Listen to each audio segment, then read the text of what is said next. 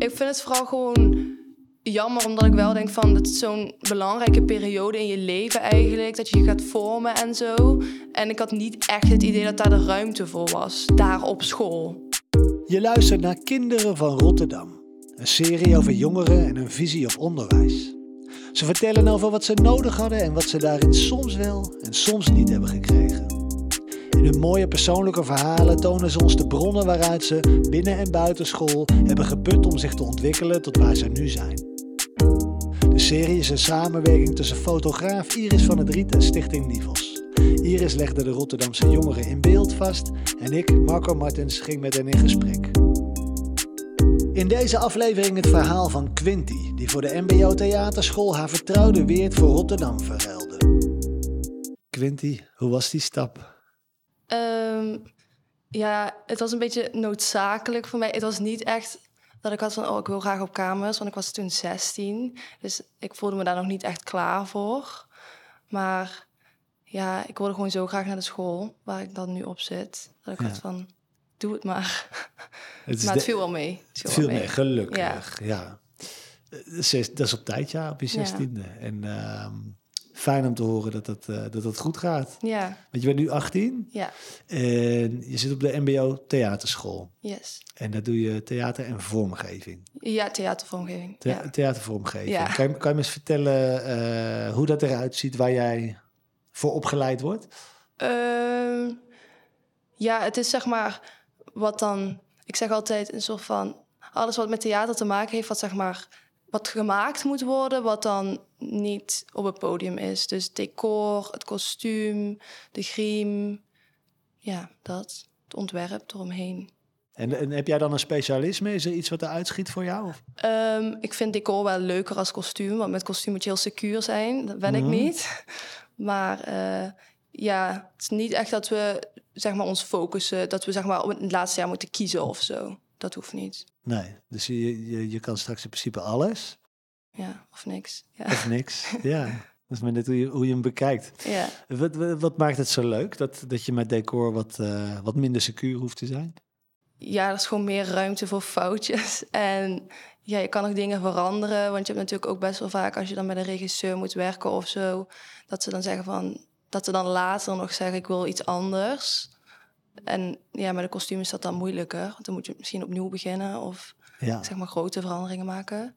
En met het decor, ja...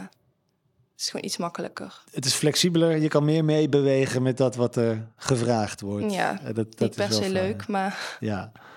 Nee, hou op. Ik, eh, ik ken het als, Ja. eh, als maker ook. Dat, eh, dat dingen gaandeweg in het proces Ja. veranderen.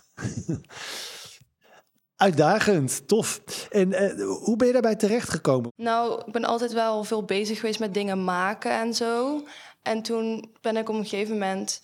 ehm, ben ik zeg maar zelf op musicalles gegaan. Dus ik vond musical heel leuk. Ik vond toneel, theater heel leuk. En ik vond maken heel leuk. Maar ik had van... Oké, ik wil eigenlijk niet als opleiding zeg maar theater gaan doen of zo. Want ja, ik weet niet. Ik, ik heb van zo erg... Ja, het, ik denk aan de ene kant dat ik niet echt tegen die afwijzing zou kunnen, zeg maar. Constant. En ja, het lijkt me gewoon niet zo heel erg leuk eigenlijk. Maar dan het maken wel, zeg maar. En ik, het, vond- ik vond het zeg maar altijd heel interessant hoe dan... Wat dan, zeg maar, bijvoorbeeld ook in een film of zo... wat dan in het decor staat, in de set staat... dan iets kan zeggen over het hoofdpersonage. Zeg maar Ja. dingen die je dan... Als je de tweede keer kijkt, dan snap je het... maar de eerste keer denk je er niet over na. Maar het voegt wel wat toe. Ja. En, en, en is het die afwijzing waardoor je zelf niet dat, dat maken bent blijven doen? Of, of eh, beviel het je überhaupt niet zo? Ehm, nou, ik vond het wel leuk, maar ik had gewoon niet. eh, ja, als ik er dan over na zou denken van, oh, zou ik dit de rest van mijn leven kunnen doen? Dan denk ik het gewoon niet. Nee. En ik- ook omdat je, denk ik, als je zeg maar in een theatergezelschap zit of ehm, audities moet gaan doen, dan werk je heel vaak samen en dan ben je afhankelijk van andere mensen. En ik doe nu wel deze opleiding, maar ik zou wel ook gewoon graag voor mezelf willen gaan werken, zeg maar. Dus dan heb je die onzekerheid misschien wat minder, denk ik. En nu kan ik me voorstellen, eh, dingen maken. Je, je kunt voor heel veel mogelijke toepassingen dingen ontwerpen, dingen maken. Wat maakt het tof om dat specifiek voor theater te doen?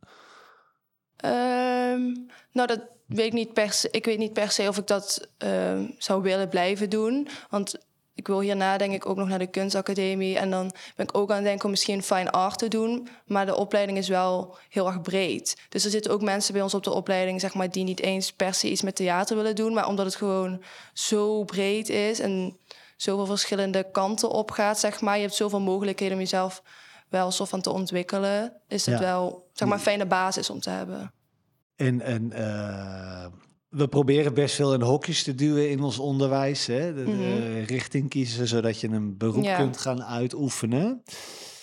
Maar ik hoor je zeggen, het is heel fijn dat het nog niet zo gedefinieerd is. Jij, Ja. jij bent niet decorbouwer, punt. Ja, Of decorontwerper. Mhm. het, is, eh, het kan alle kanten in. ja. Waarom vind je dat fijn? Omdat ik heb wel het idee van toen ik zeg maar toen ik 16 was en ik moest een keuze, een, een keuze gaan maken, dan had ik wel zo van ja, ik ben, ik ben eigenlijk nog kind. Ik, ik heb eigenlijk, ik wil nu niet gaan kiezen wat ik de rest van mijn leven moet gaan doen. Dus daarom, ja, dan heb je nu, ik ben het eigenlijk misschien een beetje aan het uitstellen. Zeg maar, Opties open ja, houden. opties Ja. open houden, ja. Maar wel in een richting al. Want je weet, ik, hè, Ja. ik, ik vind maken leuk. Ik proef ook een stukje zekerheid. Die, hè, die wens om, om eh, niet heel te Mhm. hoeven leuren met je werk. Ja. die zit er ook in. Die begrijp ik ook wel. Eh, dus, dus er zijn wel een paar van die criteria Uh-huh. die je gebruikt om, om, om een keuze te maken. Dus Ja. langzaamaan trechter je Ja, dat wel, ja. een kant in. Ben je de rest van je leven aan het maken? Voel je dat zo? Ja, ik denk het wel. Ik ben ook wel, ehm, bijvoorbeeld vorig jaar hebben we stage gelopen. En ik heb nog wel contact zeg maar, met de persoon met wie ik stage heb gelopen. En ik merk wel gewoon, ook denk ik, omdat ik gewoon op kamers zit en ehm, gewoon dat ik in een soort van een nieuwe fase van mijn leven zit, voel het wel. Heb ik wel het idee dat ik me heel erg aan het ontwikkelen ben. En ik leer heel veel nieuwe mensen kennen. En dus dat wel ook daarmee, Ja. daarbij. Nu spraken wij net voordat de microfoon aanging al even en wij kwamen erachter hier in Rotterdam dat wij op dezelfde school in Weert hebben gezeten. Eh, dat wat jij net schetst van eh, het willen openhouden van die opties en nog niet eh, op je zestiende de keuze maken voor, voor de rest van je leven. Ik heb die, ik heb wel iets eerder dan jij op die school gezeten, maar ik heb die ruimte daar niet zo geproefd. Hoe heb jij dat ervaren? Ben, je- ben je erin gestimuleerd om, om, om Mm, nou, ik zou niet zeggen gestimuleerd. Het was wel gewoon... Ja, ik denk dat alle middelbare scholen... Het is gewoon... Je hebt je boekje en daar leer je uit. En het ging me niet per se heel goed... Ja, ik vond het niet per se heel lastig... maar het ging ook niet heel erg... ehm, heel goed, zeg maar. Ik had gewoon zesjes en zo. Ja, het ging gewoon... Ik, het was voor mij gewoon zo van... Oké, ik maak het gewoon af. Zeg maar, ik ga Ja. er gewoon doorheen. Maar Ja. niet dat ik het met lol deed of zo. Nee. En dan, ja, dan twee uurtjes in de week handvaardigheid of zo. Dat vond ik dan wel heel leuk. Maar ja, dat is het dan. Hoe kijk je terug op dat vak? Wat, eh, Ehm, nou, ik vond het gewoon altijd fijn dat er gewoon... Het was niet zo... Je was zeg maar wel dit tijd bezig, maar je werd niet een soort van... Dan met geschiedenis of zo, dan mocht je gewoon niet praten. En dan kreeg je uitleg en bla, bla, bla, bla, bla. En met handvaardigheid, dan kun je gewoon zelf... Krijg je een korte opdracht, dan krijg je, kun je zelf aan de slag. Dus dat is heel fijn, zeg maar. Je kon gewoon ook een beetje kletsen tussendoor natuurlijk. ja. En ik vond mijn docent heel leuk. Dat hielp ook heel erg. Wat maakte die docent zo leuk? Ja, hij was gewoon heel eerlijk, zeg maar. En er zat niet echt... Als hij dan iets niet leuk vond, dan zei hij dat. Maar het was... Ik, zeg maar, je schaamde je er niet voor of zo, zeg maar. Snap je? Dan verander je of dan verander, verander je het niet. Maar het is dan gewoon... Hij zegt het en dan is het voorbij. Ja. En ik had bij andere vakken als... ehm, zeg maar bij een ander, bij een aardrijkskunde of zo. En je wordt zeg maar uit de klas gekozen om dan een antwoord te geven. En het is fout. Dan voelde dat niet zo vergevend, zeg maar. Dan, dan voelde dat, zat er wat meer drak, druk achter. Dus was, was het de manier waarop hij het zei? Dat je die, die ruimte voelde om... om... Ja, het was gewoon ook een wat minder... Er was gewoon wat minder afstand, zeg maar, tussen leerling en docent. Het was gewoon wat gezelliger en het was gewoon... Het voelde zeg maar alsof er ook een soort van ruimte was voor discussie en zo. Dus ja, dat lag heel erg aan hem als persoon. Ja. ja. En stel nou eens, hè, eh, je noemde net geschiedenis. Stel nou eens dat je geschiedenis eh, Dat je niet je mond moest houden en, eh, en uit het boek moest werken. Maar eh, je had voor geschiedenis een item uit de prehistorie moeten knutselen. Met eh, de middelen die je bij handvaardigheid Ja. hebt. En je mag knutselen tussen. Ja. Hè? Je zou op die manier de stof leren. Zou dat de interesse voor dat vak hebben vergroot? Ja, ik denk het wel heel erg, want we hadden ook bijvoorbeeld kunstgeschiedenis. En dat vond ik wel heel erg interessant. En niet per se omdat het dan met kunst te maken had, maar gewoon de manier hoe het dan gegeven werd, ging heel erg over soort van de afbeelding onderzoeken. En het was gewoon, eh, ja, dat. Ja. Ja. Dus, ik, ik vind het heel pijnlijk om te constateren. Dat is de manier waarop iets aangeboden wordt. Het Ja. verschil kan maken of, of je ergens wel of niet mee aan de slag gaat. ja, heel erg. Maar ik herken het ook, ja. Ja. En nu zit je op een plek waar, eh, waar je je fijn voelt, volgens mij. ja. Hoe, hoe ziet dat eruit? Is, is, is dat ook... Kun je in die lessen ook even kletsen? Is, is, daar, is die afstand ook klein tussen Ja. docent en, en student? Ja, het voelt eh, een stuk persoonlijker. Het, ligt, het verschilt natuurlijk wel ehm, per docent. Verschilt het wel.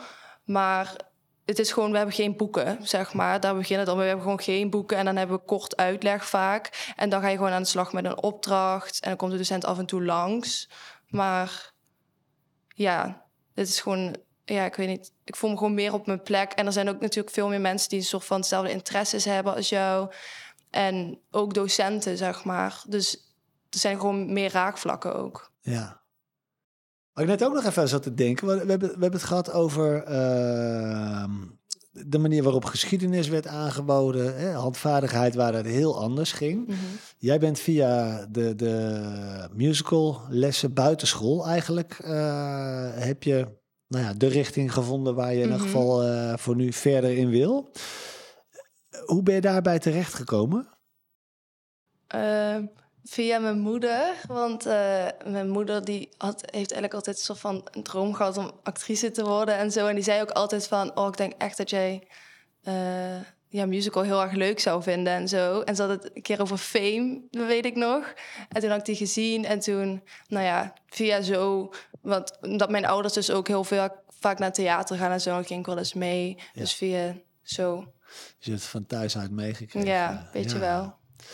Ik zit nou maar te denken, misschien zat er iemand in jouw klas die geschiedenis heel tof vond, dat van thuis niet heeft meegekregen en ook door die manier van aanbieden dat Ja. nooit heeft ontdekt. Dus dat thuis is voor jou heel erg belangrijk geweest in, eh, in dat ontdekken. Zag jij dat ook een beetje bij je klasgenoten? Dat, dat, eh, dat die thuis aangereikt kregen wat ze nodig hadden om, om hun richting te vinden? Ehm, dat weet ik niet. Ik denk voor mij was het wel een soort van die aanmoediging van ja, ga er naartoe. Want ik vond het dan eng om dan voor de eerste keer je wel, ergens naartoe te gaan, naar die musicalles te gaan. Ja. En, eh, maar ik weet eigenlijk niet hoe dat voor anderen is geweest. Ik weet een, een, eh, een vriend van mij die eh, studeert Duits. En die vindt dat heel leuk. Dat is iets wat ik zelf echt totaal niet leuk vind, zeg maar. Maar hij heeft dat volgens mij niet per se vanuit thuis meegekregen. Dat is wel echt iets wat hij op school... Ja. Ehm, maar hij is ook heel goed met leren, zeg maar, uit boeken en eh, dat soort dingen. Was jij dat niet? Nee. Want eh, ja, ik zie je heb, glimlachen met ja, hem. ja, ik heb gewoon nooit echt geleerd om te leren.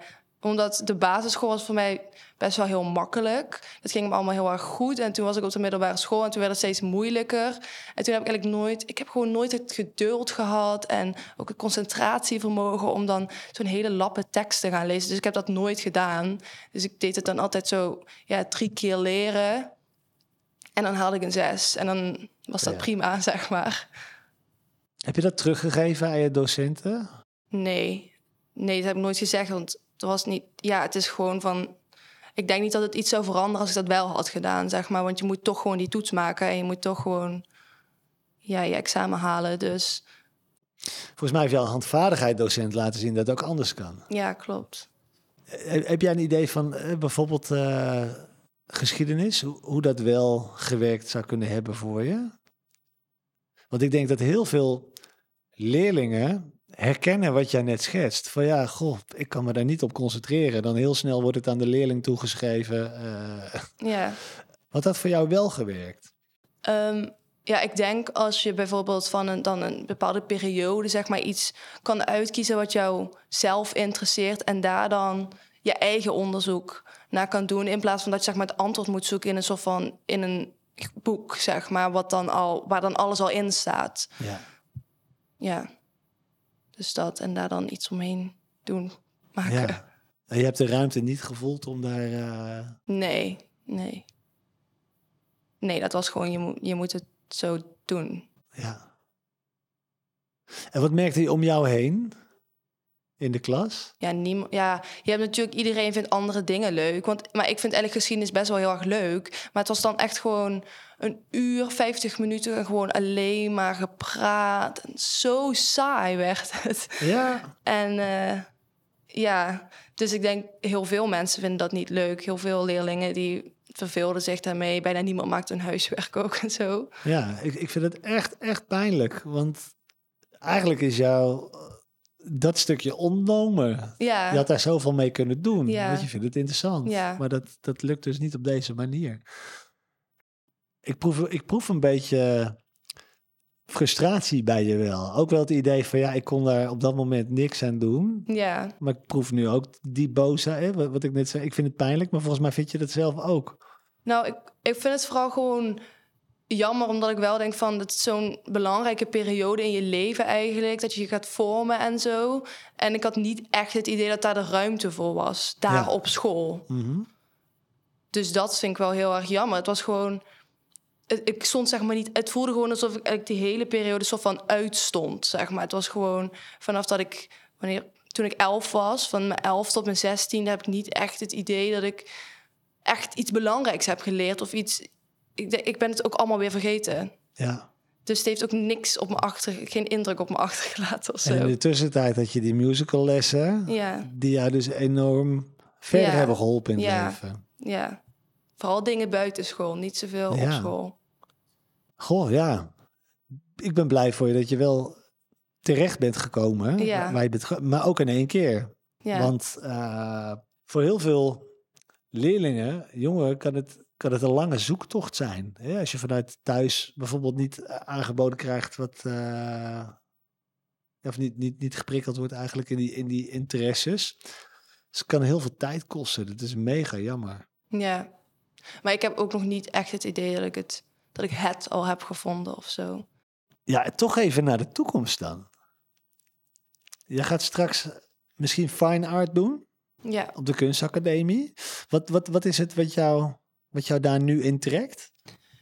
ja, ook wel de vrijheid, zeg maar, toch om meerdere dingen te doen en meerdere richtingen. En eh, ja, ook wel een soort van, ik vind het altijd heel erg interessant, soort van de gedachte ergens achter en zo. En ik heb het idee dat dat met fine art ook best wel belangrijk is. En het experimenteren en zo vind ik gewoon leuk. Het doen, hè? Ja, Je bent het doener. ja, Ja, heerlijk om dat van jezelf te weten. ja. En wat hoop jij te, te, te, te doen, te maken, te ontdekken?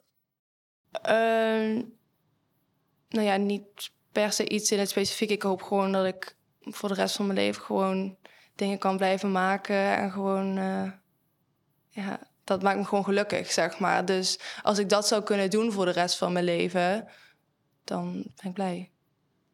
Als jij nu, laten we even naar die plek gaan waar jij dingen maakt. Jij bent blij. Hoe zou het decor er daaruit zien? Als je dat nu zou moeten maken. Mm. Het zou gewoon een schattig boerderijtje zijn. En dan met, met zo'n heel groot raam. En dan uitzicht op bergen. Lekker in de berg op een boerderijtje. Ja. Dingen maken, Ja, blij zijn. en dan niet, voor, voor niemand, zeg maar gewoon voor mezelf. Ja, Dan mogen andere mensen het kopen. heerlijk toch? Ja, Wat een heerlijke positie, Quinty, dankjewel. ja jij ook bedankt.